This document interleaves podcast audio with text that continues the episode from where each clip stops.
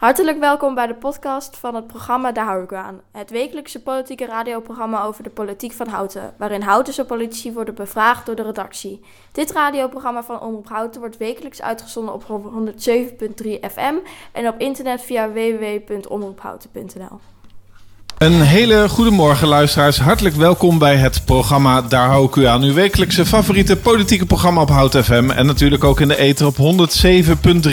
En we zitten hier weer in de studio. Martin Cohen, of Cohen, ik mag zelf kiezen. Dus we gaan het een beetje afwisselen deze dag.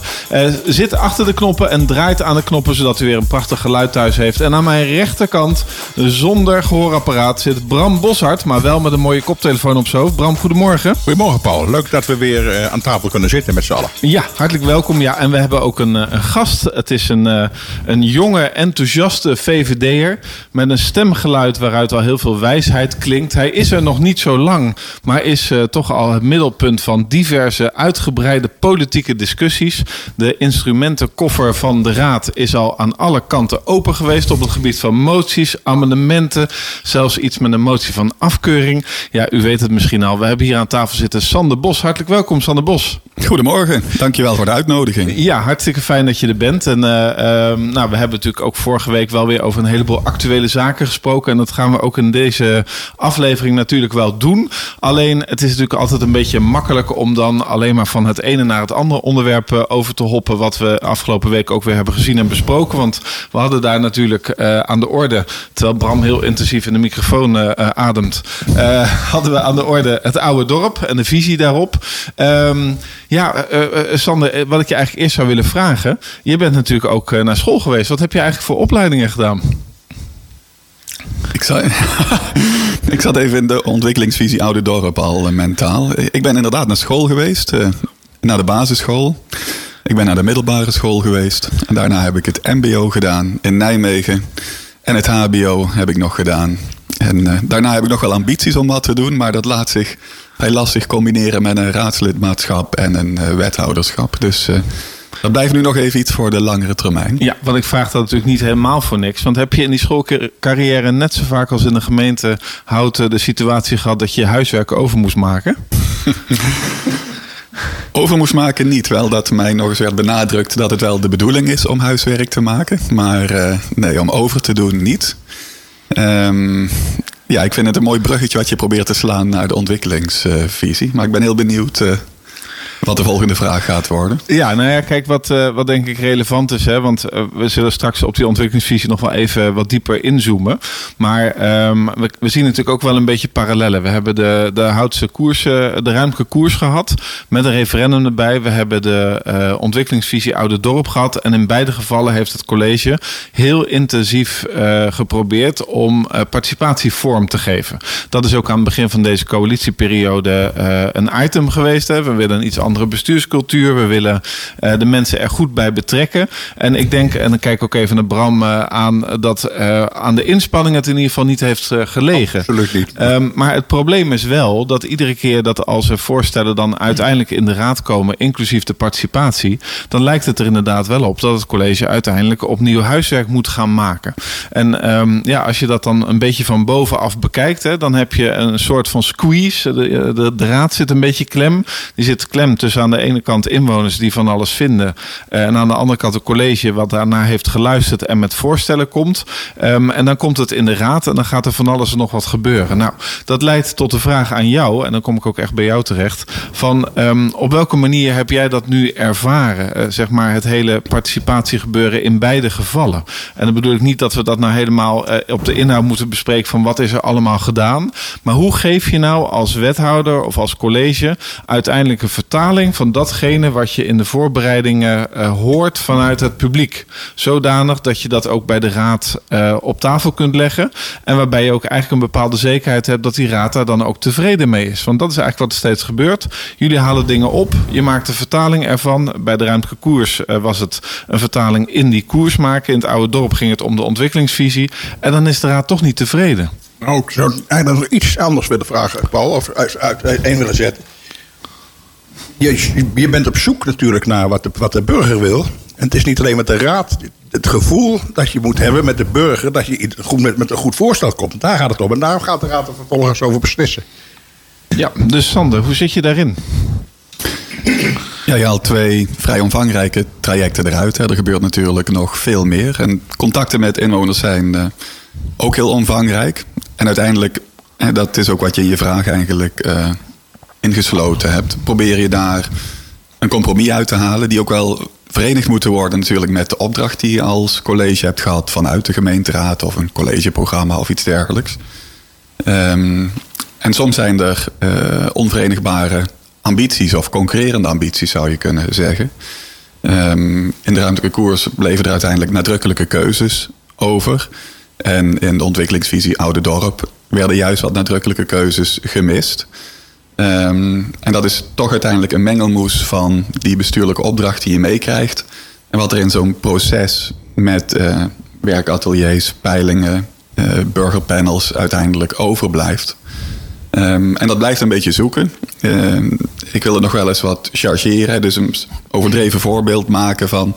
stel je vraagt aan 100 mensen om tussen de 0 en de 100 een cijfer te noemen.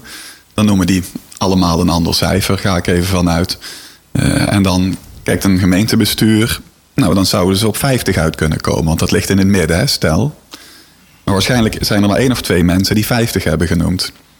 En dan kan het dus zijn dat die anderen zeggen: Ik herken me niet in wat er nu op tafel ligt. Dus ik denk dat communicatie en informatie zijn heel erg belangrijk. Van hoe kom je nou tot wat er onderaan de streep aan de gemeenteraad weer wordt aangeboden. Um, en dat zie ik voor mezelf ook weer als een les. Van daar, daar kan nog extra inzet op gepleegd worden. Dat zijn we ook aan het doen, want we zijn, hebben nu ook een nieuwe leidraad participatie en communicatie.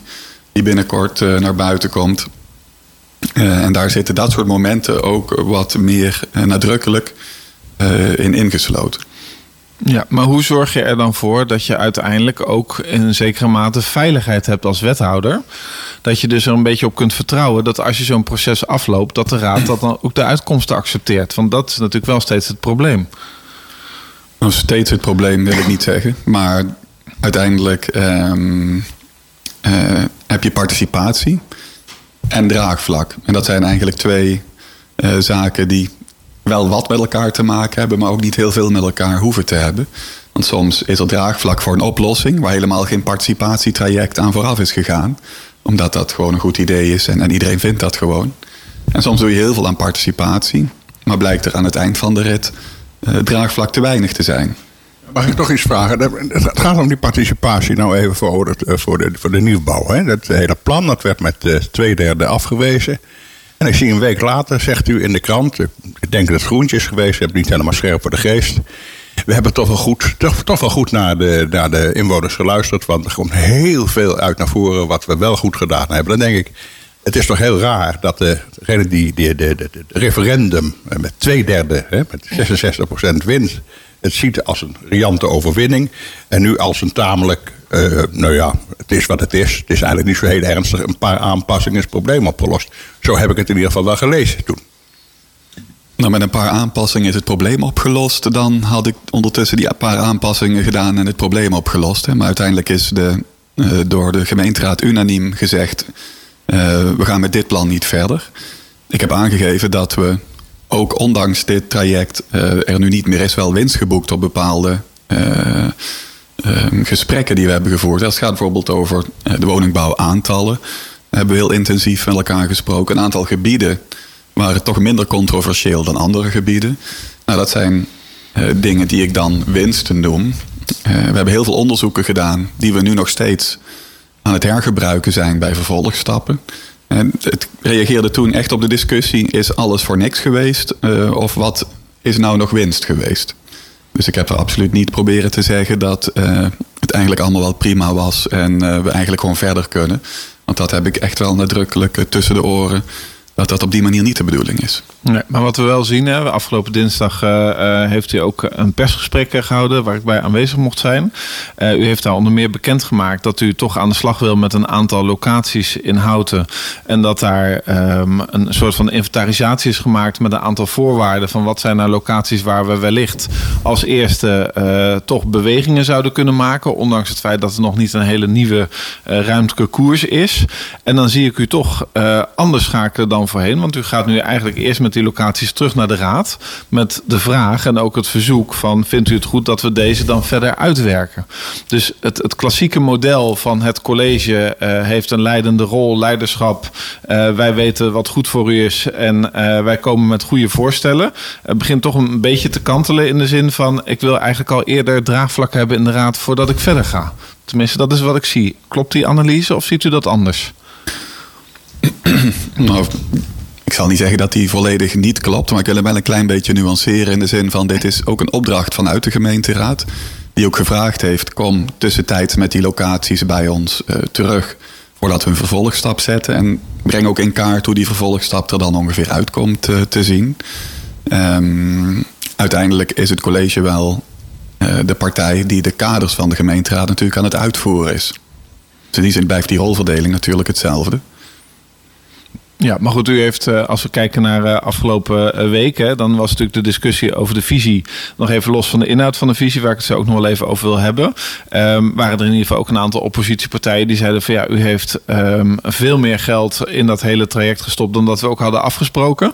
En we zijn ook niet tevreden met de uitkomsten. Dus daar blijft toch wel een soort van wrijving zitten tussen wat je aanbiedt en wat je doet. En hoe de raad daar dan vervolgens, um, nou ja, wat voor waarde de raad daar aan hecht. Hoe voorkom je dat? Wat, wat, ja, want ik kan me voorstellen, we gaan straks naar een nieuwe collegeperiode. Er komen nieuwe uh, wethouders, of misschien wel dezelfde wethouders. Want het is wat dat betreft net het landelijk. Hè? Je kunt helemaal opnieuw beginnen, maar toch met dezelfde mensen als je dat uh, zou willen met elkaar. Het werkt wel snelst in ieder geval. Uh, nou ja, als het niet zo lang duurt als landelijk, zou het een goede zaak zijn, denk ik, uh, Bram. Um, maar op wat voor manier zorg je dan uiteindelijk dat je als bestuurder toch ook wel een bepaalde basis hebt van waaruit je kunt werken? Want ik kan me toch wel voorstellen dat u op sommige momenten heeft gedacht van ja jongens, ik doe zo ongelooflijk mijn best, ik trek alles uit de kast, zelfs meer nog dan we misschien hadden afgesproken. En nou is het weer niet goed. Ja, ik zoek even welke vraag je nu precies stelt.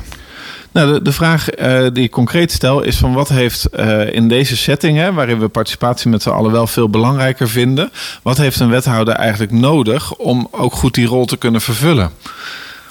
En want het, het, het, voelt voor mij in ieder geval op een aantal momenten wel onveilig. Hè? U gaat participeren. Als de uitkomst daarvan niet bevalt bij de raad, dan zegt de raad van ja, we vinden het eigenlijk niks, we willen wat anders.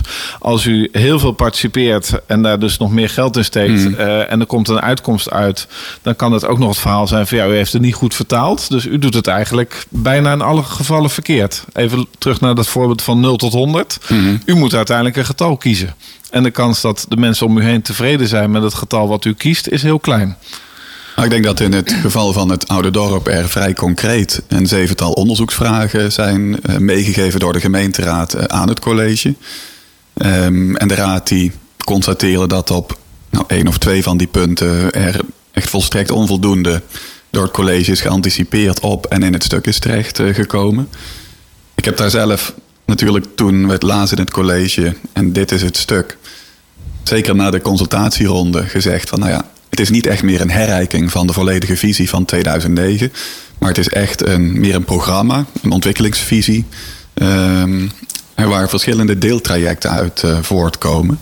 En ik noemde dat in de raadsvergadering. Daar zijn denk ik de verwachtingen met de 29 raadsleden onvoldoende uh, door mij gemanaged om ze daar ook in mee te nemen. Ondanks dat we bijna ieder kwartaal, ieder half jaar een, een zogenaamde bijpratenavond met elkaar hadden. Van dit zijn de dilemma's, hier loop ik tegenaan. Uh, en dit is de manier waarop ik ermee om uh, denk te kunnen gaan.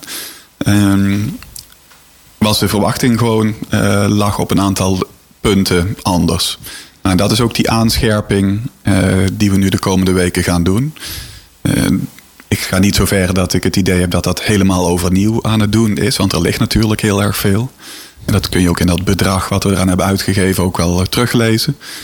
Um, dus in die zin heb ik er vertrouwen in dat we de accenten op de goede manier erin kunnen gaan brengen. Het bedrag wil ik toch nog even over hebben. Ik heb, hebben natuurlijk, en dat, ik denk dat heel uh, Houten en die geïnteresseerd zijn in de politiek daar met verbazing hebben zitten kijken. 475.000 euro voor een onderzoek van Plein. Daar kun je negen studenten die net afgestudeerd zijn van de universiteit of planologie hebben gestudeerd, kun je daar een jaar voor aan het werk zetten. Wat is er in vredesnaam met die 475.000 euro gebeurd? En dat het dit de uitkomst is. Ik begrijp dat echt niet. En ik denk met mij heel veel houtenaren die dat echt. Ik denk, ja jongens, dit kan helemaal niet. Ja, nou toch heb ik daar een vrij eh, helder verhaal bij in mijn eigen beleving. En we zijn natuurlijk eh, een hele tijd met elkaar bezig. Eh, projecten die bij ons draaien in de grondexploitatie worden veelal gedraaid door externe projectleiders. Nou, die zijn daar heel erg veel, heel intensief mee bezig geweest. We hebben ook een aantal onderzoeken gedaan, bijvoorbeeld naar verkeersstromen. bijvoorbeeld als het gaat om de retail, detailhandel. Bijvoorbeeld als het gaat om betrokkenheid van jongeren, participatietraject. En daar is de wijde blik, heeft daar werk voor gedaan. en alles bij elkaar opgeteld, dan kom je op een bedrag uit. We zitten nog niet op dat bedrag. Maar ik heb in alle openbaarheid een inschatting gemaakt van waar gaan we op uitkomen.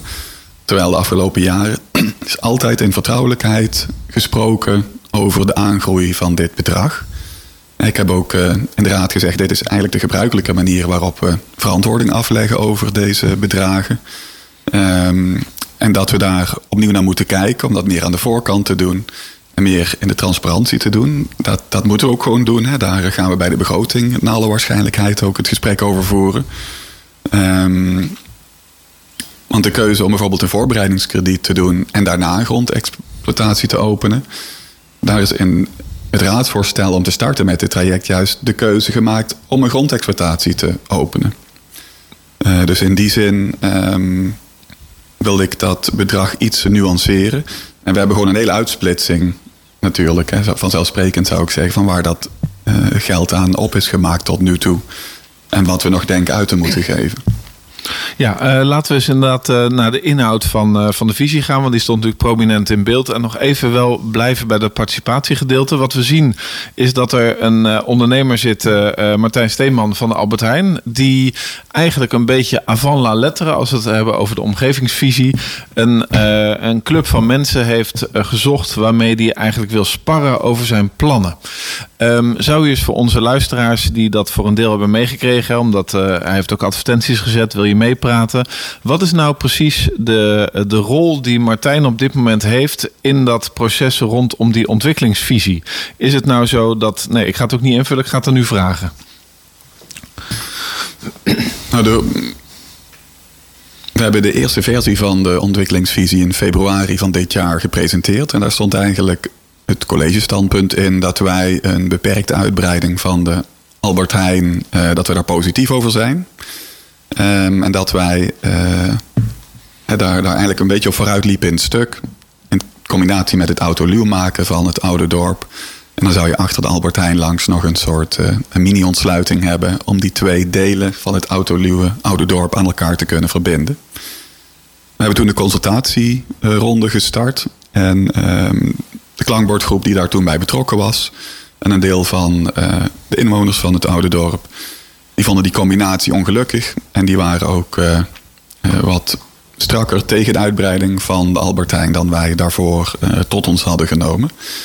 We hebben dat eigenlijk helemaal overgenomen, die zienswijze. En gezegd, nou ja, de Albertijn is net zoals eigenlijk alle andere ondernemers in Houten een initiatiefnemer. En die initiatiefnemer moet zelf onderbouwen hoe en wat en waarom die wil uitbreiden. Uh, en kijken of het binnen zijn bestemmingsplan past. En als het er niet in past, wat er dan aan aangepast moet worden. Uh, en, en, zo is dat uiteindelijk in uh, de ontwikkelingsvisie terechtgekomen zoals die nu voor lag tot vorige week. Ja, maar is dan dus opgenomen datgene wat Martijn, of ja, ik moet eigenlijk zeggen, meneer van Albert Heijn wilde, meneer Steeman. Eh, is dat op die manier dan één op één opgenomen? Of heeft daar ook weer een weging in gezeten vanuit het college? De vorige versie uh, zat een deel van wat hij wilde gewoon opgenomen. Uh, en nu hebben we dus gezegd in de versie die vorige week voorlag, hè, dus nu ook niet meer voor ligt, stond dat wij een beperkte uitbreiding wel voor mogelijk zien, maar dat het initiatief nu bij de initiatiefnemer ligt. En dat hij zijn omgeving daarbij moet betrekken. En dat het, als het aan het college ligt, het in maximale omvang echt om een beperkte uitbreiding kan gaan. Ja, en wanneer, um, laatste vraag op, de, op dit punt, gaan we zo ook even naar de muziek, tenzij Bram nog een hele dringende vraag heeft. Wanneer krijgt hij nou uiteindelijk duidelijkheid over wat hij wel en niet kan? Wat, wat is daar nou de planning in? Nou, als iemand formeel een verzoek doet, dan krijgt hij of zij binnen een aantal weken daar duidelijkheid over. Maar ik snap wel dat uh, de Albertijn natuurlijk kijkt naar dit traject. Ehm, en ja, zoals het er nu uitziet, gaat de Raad eh, eind januari ehm, naar de aangescherpte versie van dit stuk kijken. En dat zal voor een deel weer duidelijkheid geven. Uiteindelijk gaat een ontwikkelingsvisie natuurlijk nooit eh, de rol van een omgevingsvergunning of zo overnemen. Hè, laat ik dat ook even zeggen. Eh, dus dat is toch altijd nog een traject wat daarna gaat komen. Ja, want passen de plannen die hij nu heeft binnen het bestaande ruimtelijke kader? Of moet dan ook het bestemmingsplan nog worden aangepast of straks richting de omgevingsvisie? Ja, zoals je zelf aangaf, is uh, de Albert Heijn nu met een klankbordgroep aan het kijken van wat er mogelijk is. Dus ik heb nu zelf helemaal geen plan op tafel wat wij aan het toetsen zijn. Dus ik kan daar eigenlijk geen antwoord op geven. Nou, laten we maar eens even naar een uh, muziekje luisteren, Bram. Lijkt me ook Paul. Ik vind het een interessant gesprek. En uh, ik vraag me eigenlijk af of meneer Bos, die natuurlijk ook lid is van de VVD... want namens die fractie is, die, is die wethouder in het college of eh, de VVD daar nog een visie op heeft. Ik denk dat hij daar moeilijke antwoord op kan geven op dit moment. Maar ook de VVD heeft stellig een visie. En in het kader van de gemeenteraadsverkiezingen die komen... is het misschien niet leuk om eens achter de wethouderschap te kijken. Paul. Nou, daar kan hij dan mooi even over nadenken tijdens het muziekje van Martin Cohen. Dit nummer was van de Crash Test Dummies. En ik weet niet waarom Martin Cohen het precies heeft gekozen. Maar het nummer heet... Hmm, hmm, Hmm, hmm. En dat heeft misschien iets te maken met het gesprek waar we op dit moment mee bezig zijn. We zijn een beetje op zoek naar de, de ruimte en naar de bewegingsruimte en naar de manier waarop we op dit moment proberen in houten en een groot aantal dossiers uh, beslissingen te nemen met draagvlak, met participatie. En we hebben aan tafel zitten Sander Bos en um, ja, um, uh, Bram die hier naast mij zit, die was net een beetje op zoek naar de partij achter de wethouder.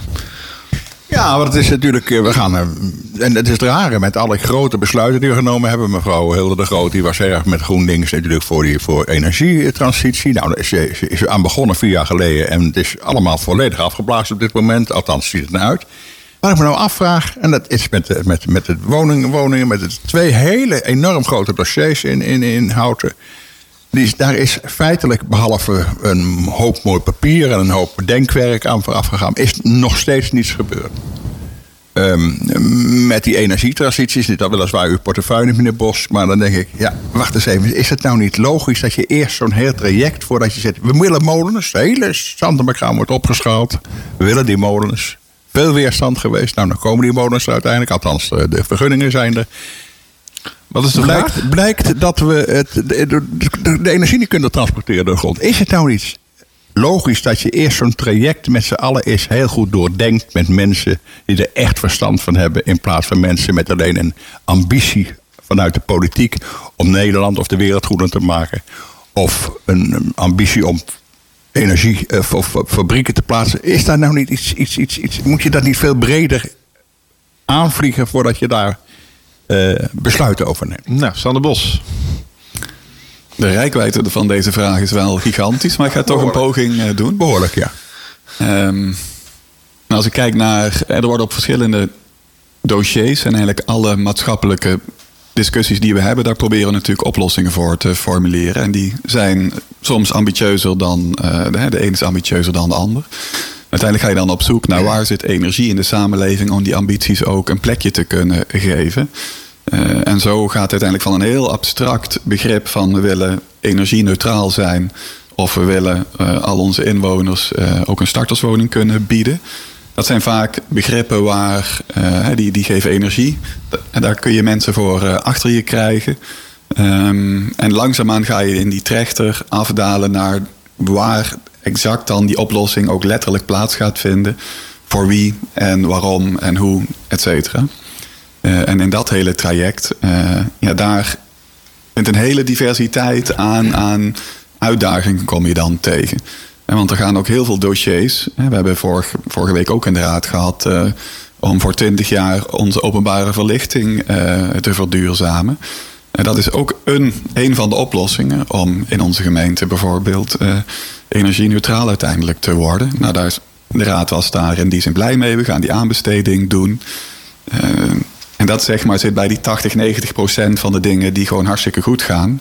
Maar ook participatietrajecten en zo uh, op los zijn gelaten. Um, maar uiteindelijk niet per se de nieuws komen, omdat daar ook weinig reuring uh, om is. Als het gaat om nieuwbouw. Uh, een van de onderdelen uit het vorige traject is dat we Noordwest en Oost nog eens tegen het licht hebben gehouden. in Oost nog met wat eh, extra energie, omdat daar ook het manifest Houtense Koers bij is eh, betrokken. Daar hebben we vorige week eh, twee avonden aan besteed. Daar gaat de Raad nog over debatteren. Ehm, maar dat, zijn echt, eh, dat is echt een mooi document in mijn beleving, wat alle fracties ook kunnen gebruiken. En eventueel nieuwe partijen die misschien mee gaan doen, eh, kunnen gebruiken om te kijken hoe, wat neem ik nou in mijn verkiezingsprogramma mee om mandaat op te halen bij de stemmers. om uiteindelijk in een nieuwe collegeperiode een klap te kunnen geven op een van die twee gebieden, allebei die gebieden of geen van die gebieden. Ja, want ik onderbreek u even. het is op zich een goed punt. Ehm, en daarmee komen we wat mij betreft inderdaad ook bij het onderwerp... zeg maar het vervolg op de ruimtelijke koersen. We hebben het referendum gehad. Ehm, en ik zou u inderdaad willen vragen... want u heeft het nu over één specifiek document. Maar de Raad heeft zeg maar de oude ruimtelijke koers eh, weggestemd. En daarna zijn er een aantal stappen gezet. Zou u voor onze luisteraars die eens kort en bondig uiteen willen zetten... welke stappen zijn dat precies? Ja. ja, we hebben geen vervolg op de ruimtelijke koers. Hè. Dat, eh, dat nieuwe elan proberen we in samen bouwen en houten te vervatten. En een van de trajecten is inderdaad het stuk waar ik het net over had. Hè. Die, die puzzel van die twee gebieden. Ehm, we noemen dat ook een onderzoeksagenda. Omdat we nog niet glashelder hebben wat het stuk is wat we gaan opleveren. Hè. Dat zou eh, misschien ook wat, eh, wat onbescheiden zijn.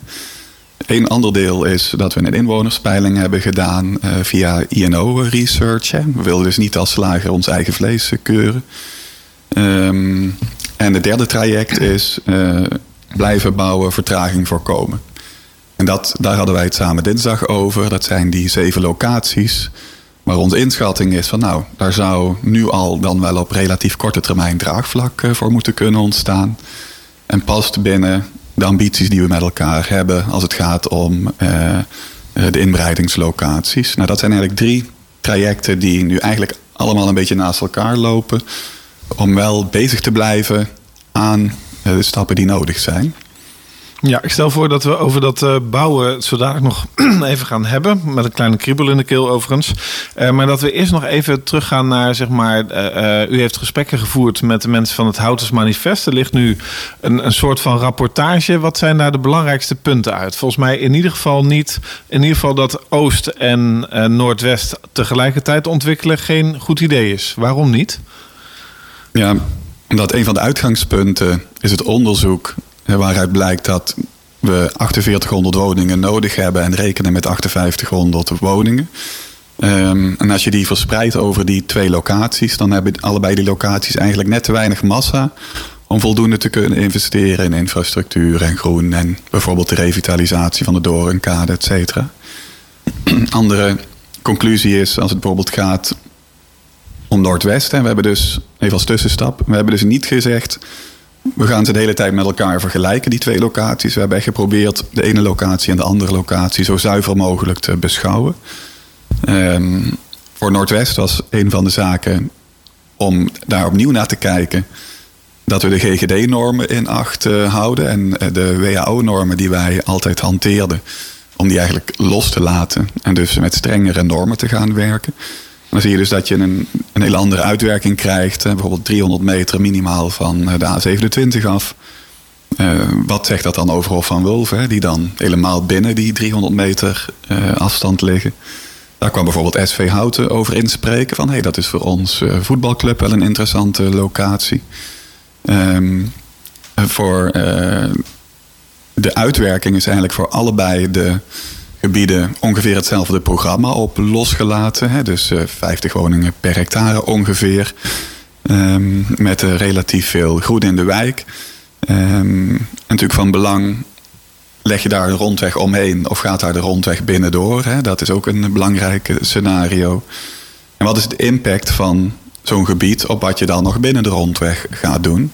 Dat zijn allemaal vragen die we daarin gesteld hebben en getracht een antwoord op te geven, een stukje weging aan te geven.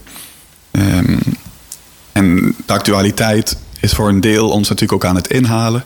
Want in 2018 rekenden we nog met eh, woningen, starterswoningen tot 250.000 euro. Ja, dat kun je vergeten nu. En de vraag is inderdaad, eh, ja, hoeveel instrumenten moet je wel niet als gemeente op tafel leggen om dat eh, voor elkaar te krijgen? Hè, dus in die zin zitten er ook nog wel wat vervolgvragen aan. Maar ik denk dat er nu genoeg informatie ligt om uh, als raad een afweging te maken wat je zelf als partij de voorkeur laat genieten. Ja, nou zo dat u als college natuurlijk een bepaalde koers lange tijd heeft aangehouden, om precies te zijn de ruimtelijke koers. Um, en dat het niet lang nadat het referendum plaats heeft gevonden en de raad uh, die koers uiteindelijk op basis van het referendum heeft weggestemd, er ook een brief lag vanuit gedeputeerde staten, die uh, eigenlijk als inhoud had van ja, u kunt het allemaal wel willen in de Oost, maar wij vinden dat eigenlijk geen goed idee. Bent u nou als college ook bereid om dat gesprek aan te gaan met de provincie? Want het voelde toch een beetje als een, een soort van kickback. Zo van ja, um, de raad wil misschien wel wat anders, maar wij gaan als provincie sowieso niet meewerken daaraan. Nou, het vorige traject hebben we Oost ook in beeld gebracht. Hè. Dus uh, toen hadden we ook uh, opgeschreven van nou, dit ligt buiten de zogenaamde rode contouren. Um, dus buiten uh, in het gebied dat eigenlijk groen gehouden zou moeten worden en blijven. Uh, en de raad heeft zelf gevraagd van vraag bij de provincie op hoe die daar naar kijken. Dus logisch sturen ze dan ook een, een nette brief. Ja. En daar staat in mijn beleving uh, niet echt een verrassing in. De deur staat in die zin op een kier, maar uh, het zal redelijk wat moeite kosten om die deur helemaal open te zetten. Je zult dus echt een majeure inspanning moeten leveren om te laten zien dat je de ruimte die je binnen de rondweg hebt ook een visie op hebt om die op een goede manier in te zetten. en dat je er dus alles aan hebt gedaan om uh, het groene landschap niet te bebouwen. Nou, we hebben natuurlijk al heel erg veel gedaan. Dus in die zin, als de raad zou zeggen, ga maar verder met bijvoorbeeld Oost, dan is een van de eerste dingen die we natuurlijk doen, is met de stakeholders van Oost, namelijk uh, gebiedseigenaren, maar ook uh, ons zogenaamde middenbestuur, om tafel te gaan en te kijken wat er voor nodig is om dat verder te onderbouwen. Ja, want ze hebben ook bedacht dat ze de Limusbaan voorlopig maar even niet willen ontwikkelen, omdat het te duur is. Dus daar wordt het niet beter van uh, qua oost en uh, uh, bereikbaarheid. Nee, maar volgens mij doen ze dat wel op basis van de status zoals die nu is. Dus stel in een scenario dat wij zouden zeggen... we willen 3200 woningen bouwen daar... en een van de ontsluitingen is de Liemesbaan dan, logischerwijs... dan krijg je natuurlijk ook weer een ander gesprek. Ja, dus in die zin uh, zit u echt op de tour van alles ligt op dit moment open. Want we zijn echt opnieuw aan het onderzoeken zonder vooringenomen standpunten, richtingen. Uh, het is echt aan de partijen. Ja, voor het college heeft aangegeven, wij maken nu niet kenbaar waar op basis van die twee onderzoeken eventueel een voorkeur of een beter plan of iets dergelijks ligt. We hebben echt zo zuiver mogelijk die twee gebieden in kaart gebracht. Er zitten verschillen tussen die gebieden. En, en Oost heeft bijvoorbeeld een grotere verdiencapaciteit voor de gemeente. Dat geld zou je in theorie kunnen gebruiken om uh, bijvoorbeeld uh, Oost uh, ook meer te investeren. Um, en voor Noordwest zou bijvoorbeeld de kans op subsidies weer iets groter zijn. En dus zo, ja, het is, het is allemaal niet makkelijk. Want als het makkelijk was, dan hadden we dit gesprek niet gehad. Dan was het allemaal al lang gebeurd. Ja. maar ik denk wel dat we allemaal de goede kant op bewegen. Laten we eens even kijken naar de stand van zaken binnen de gemeenteraad. De partijen zijn zich inderdaad aan het voorbereiden op de verkiezingen. Uh, VVD heeft de lijsttrekker gekozen, Eve Stiekema. Um, kunnen we u straks ook aantreffen op die lijst? Nou, ik heb uh, gezegd dat ik beschikbaar ben. Ik sta niet op de kandidatenlijst. En Eve is een fantastische kerel en uh, in mijn beleving ook een goede lijsttrekker. Hij heeft er ook al wat ervaring mee. Dus ik denk dat we aan hem, zeg ik even met de pet op als lid van de VVD natuurlijk, uh, een mooie vent hebben die, uh, waar je afspraken mee kunt maken en uh, het goede gezicht is. Ja, want als je kijkt naar de, de verhoudingen in de raad, hè, die zijn uh, door deze grote politieke onderwerpen toch op een aantal momenten wel redelijk gaan schuren. Ik weet niet hoe jij dat ervaart, Bram, maar ik zie toch op een aantal punten wel nadrukkelijk, uh, zeg maar, coalitie-oppositie-politiek ja. uh, plaatsvinden. Nou ja, dat is natuurlijk de afgelopen week over gebleken met die motie van Treunis. Hè, dat, dat, dat is de, de, hele oppositie die voelt zich toch niet zo lang bij het bestuur. Zo, heb ik vaak het gevoel. Dan dat wringt, het, is, het lijkt, ik, ik, ik, als ik, dat hoor ik ook uit de oppositiepartijen wel eens die, die, die, die gezegd worden. Van jongens, er wordt helemaal niet naar ons geluisterd. Er wordt niet gekeken op grote dossiers. We, moeten, we hangen er maar bij als uh, Jan met een korte achternaam. Um, dat, dat doet pijn bij een hoop partijen. En dus uh, Je zou dat veel breder moeten, eh, denk ik, als bestuur veel breder moeten doen. Met, zeker op dit soort grote onderwerpen. Ja, en dan heb ik begrepen dat de burgemeester samen met de griffier een eh, rondje heeft gemaakt langs eh, de fracties. Onder andere om over die bestuurscultuur te spreken. Zijn daar al uitkomsten van bekend? Is, daar, is er iets van een plan of een gedachte van hoe dat toch weer wat meer met elkaar verbonden zou kunnen worden? Of ligt dat eigenlijk stil tot na de verkiezingen? Ja, dat zijn denk twee vragen. Dat, dat rondje, zoals je het zo mooi noemt, van de burgemeester. Ik weet dat dat rondje wordt gemaakt, maar ik, ik heb daar nog geen, uh, geen uitslag van gehoord of in het college een plan van teruggezien. Um, zal ik eens een keer naar vragen, inderdaad. Wel een interessant thema. Over de oppositie-coalitie. Nou, ik herken dat eigenlijk niet zo. Dat er uh, fundamenteel continu oppositie-coalitie stemmingen zijn. Hè. Oude Dorp is daar wel een goed voorbeeld van. Waarin inderdaad die eh, genoemde motie echt uh, tussen oppositie en coalitie ging. En ook het uh, ordevoorstel om het wel of niet te bespreken was natuurlijk al een oppositie-coalitie-ding, om het zo maar te zeggen. Ja. Ik ben natuurlijk wethouder van de hele gemeenteraad. En ik merk echt bij nou, 9 van de 10 dossiers dat er uh, best wel veel verschillende stemverhoudingen zijn. Als het over het oude dorp nog gaat, er lagen natuurlijk 10, 12, 15 voorstellen om te wijzigen dan wel uh, aan te vullen. Mm -hmm. Die kennen ook hele verschillende uitslagen. Uh, dus het is niet zo geweest dat die hele vergadering um, ging over uh, voor en tegen. En als er partijen zijn die zich echt niet gehoord voelen in een bepaald dossier, dan zou ik zeggen: mijn e-mailadres en telefoonnummer zijn bekend. En als ik het zelf waarneem, dan uh, neem ik daar ook uh, zelf contact over op. Hè. Dus ik uh, probeer daar ook proactief in te zijn. Nee, maar ik geloof, ik, wat, wij geloven natuurlijk wel dat u daar. U moet natuurlijk het hele.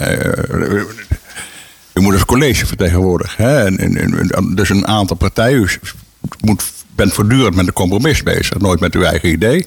Uit, niet uitsluitend met uw eigen idee, dat begrijp ik ook. Um, maar ook bij de hele ruimtelijke koers heeft natuurlijk, zijn de spanningen groot. Ook binnen het college neem ik aan. Ook binnen de partijen die het college vormen. Daar zit dan ook nog een hele partij uh, oppositie achter. Precies uh, de helft min één, om het zo maar te zeggen, in de raad. Aan, stem, aan stemmen. Um, mevrouw Ane die zegt, ik kap ermee. Ik, uh, ik doe het op deze manier. Dus ik voel die spanningen. Dan denk ik, op dit soort hele grote dossiers moet het toch veel... Uh, breder aangevlogen worden dan, dan eerst dat compromis zoeken in, in, in, in het college. Dan met één stem meerderheid, dat weet je dan. Moet je dat dan door de raad zien te krijgen. Denk ik, dat kan toch veel breder getrokken worden, jongens. Pak die partijen erbij, maak er een goed compromis. Want al die partijen hebben daar belang. En die hebben allemaal stemmers, die kunnen het allemaal verdedigen.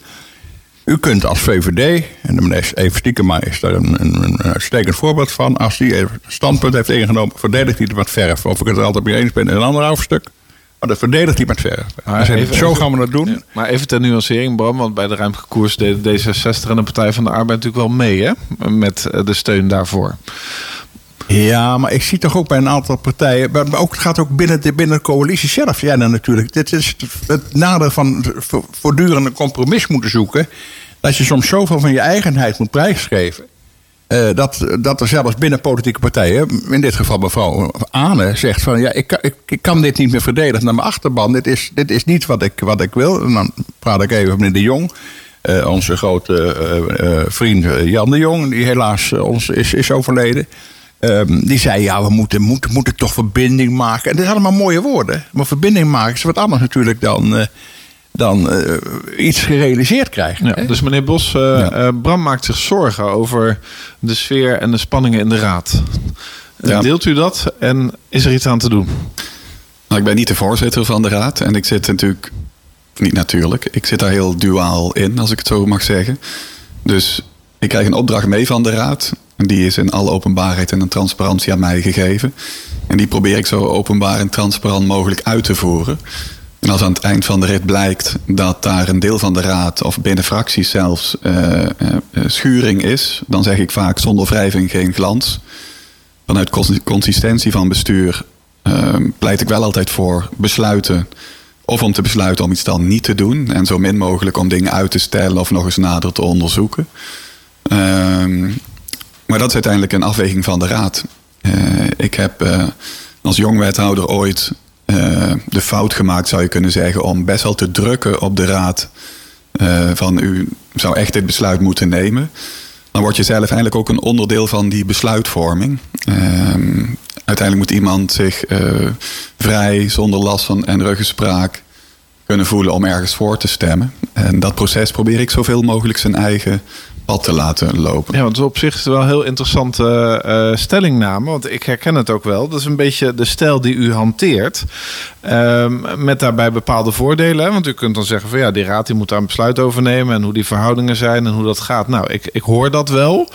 Um, maar er zijn ook veel mensen die zouden graag toch een wethouder hebben, even los van u als persoon, um, die zeg maar heel duidelijk de kaart trekt, die leiderschap toont, die um, uitgebreide visies neerlegt en die inderdaad meer zegt dan wat u misschien doet. Jongens, het is gewoon een geweldig idee, hebben we heel goed over nagedacht. dit zou je moeten volgen. En um, het, het, nadeel van de, de structuur die u kiest, is dat uiteindelijk natuurlijk wel steeds de vraag blijft: van als u dan wethouder bent en u schaakt op dat bord, van waar staat u dan uiteindelijk precies zelf? U bent ook in uw presentatie altijd heel gematigd, gemoedelijk, vriendelijk, gezellig. Maar wat, is, wat beweegt er nou binnenin Sander Bos? Welke kant gaat hij op? Dat is voor mij wel eens een vraag. Ja, dat is per dossier natuurlijk heel verschillend. Hè. Je hebt uh, hele dossiers waar principes op de voorgrond zouden kunnen treden. Dat speelt bijvoorbeeld wat minder bij openbare verlichting. Daar moet je denk ik met name zakelijk een slimme afweging mm. maken.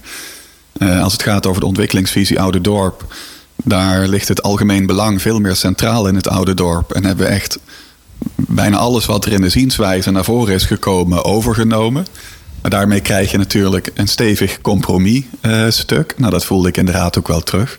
Uiteindelijk is mijn visie erop het voorstel wat ik naar de gemeenteraad eh, heb gestuurd. En dat voorstel heb ik ook verdedigd.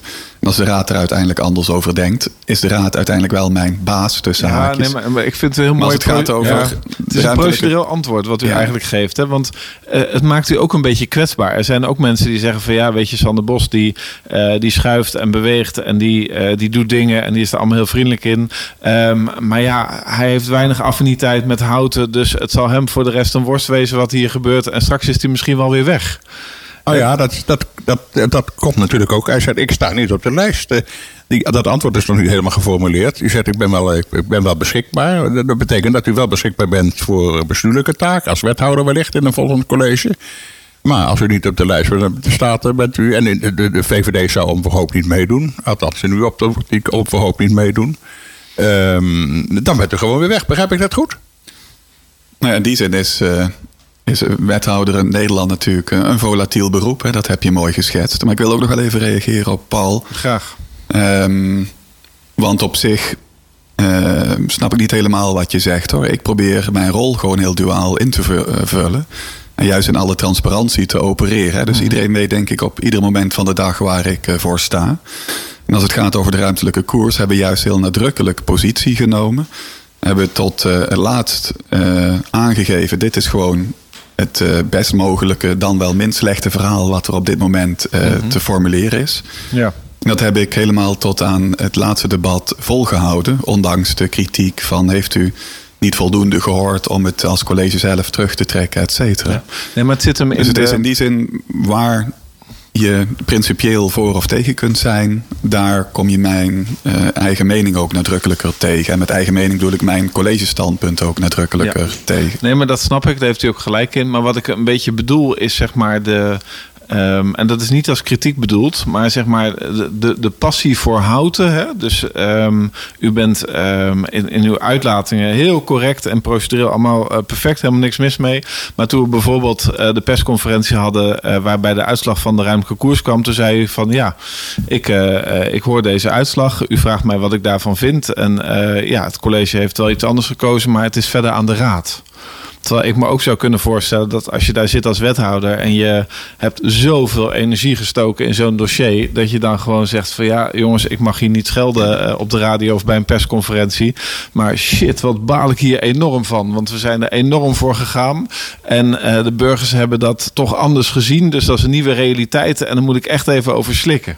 Terwijl ik u heel erg, ik zie u in dat positiespel bewegen. Van de raad heeft positie en ik krijg een opdracht en ik doe daar wat mee.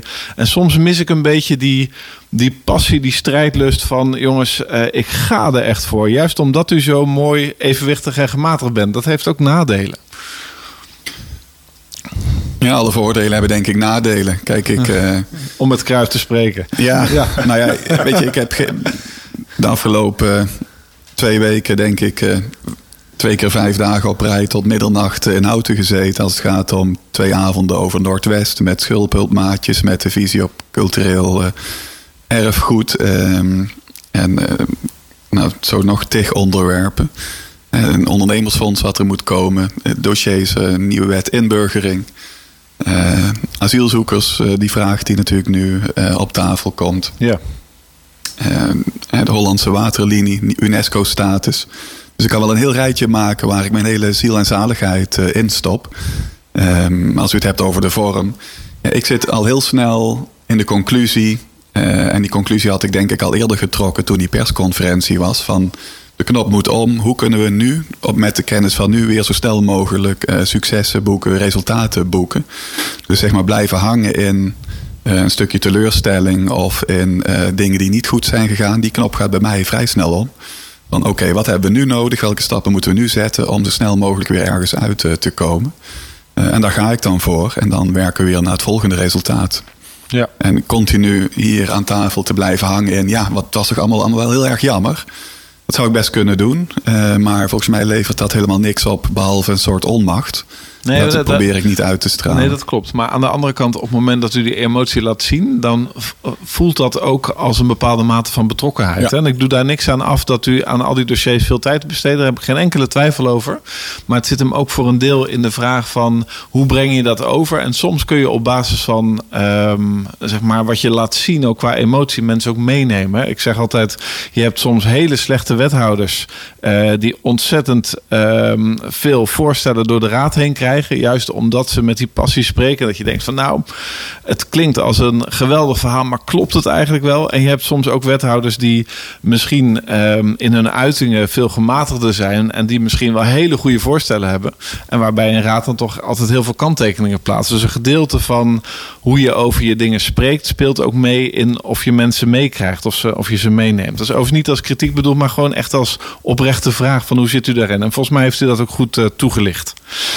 Um, nou, het wordt een spannende tijd, meneer Bos. Uh, er staan inmiddels twee jongeren hier uh, klaar. En volgens mij wil Bram nog een slotvraag stellen, want we gaan richting de klok van 11 uur. Bram, je mag er nog één stellen. Nou, ik heb eigenlijk geen slotvraag meer, Paul, want dat zou dat veel te veel tijd gaan kosten. Ik vond het een interessant gesprek. Het wordt leuk om met meneer Bos kennis te maken, want al die rare, tijd, die rare tijd achter ons met corona is daar natuurlijk weinig van terecht gekomen.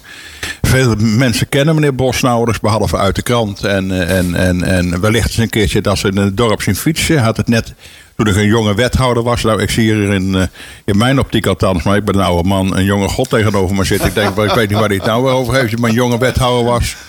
Um, ik vond het een leuk gesprek met de Bos en leuk met de kennis gemaakt te hebben. En ik denk dat we inderdaad een uh, mooie tijd tegemoet gaan met de verkiezingen voor ons, Paul. Nou, meneer Bos, uh, ik weet niet of hij wel meedoet aan de verkiezingscampagne voor Houten. Want dat is natuurlijk weer een andere hoofdstuk. staat niet op de lijst. Dus wordt hij dan, hij, wordt die lijst, uh, dan doet hij net zo mee als ik in de verkiezingscampagne wellicht meedoe. Voor welke partij dan ook. Um, ik wens u daarbij uh, namens, uh, uh, ik mag denk ik wel omroep houten zeggen, succes bij Paul, of niet? Ja, zeker. En we vonden het inderdaad fijn om eens even met u op een wat abstracter niveau op een aantal dossiers terug te kijken. Dat gaan we volgende week natuurlijk weer doen. En dan waarschijnlijk weer wat concreter, want er zitten hier weer twee politici aan tafel. Um, dit, deze uitzending werd gemaakt door Bram Boshart, die naast mij zit. En mijn naam is Paul Verruitenbeek. Maar wij konden natuurlijk niet uitzenden zonder de deskundige help, hulp, help van Martin Cohen. Martin, dankjewel. Sander Bos, succes met je werkzaamheden. En... Dit was de podcast van het programma Daar hou ik aan. Hartelijk dank voor het luisteren en graag tot volgende week.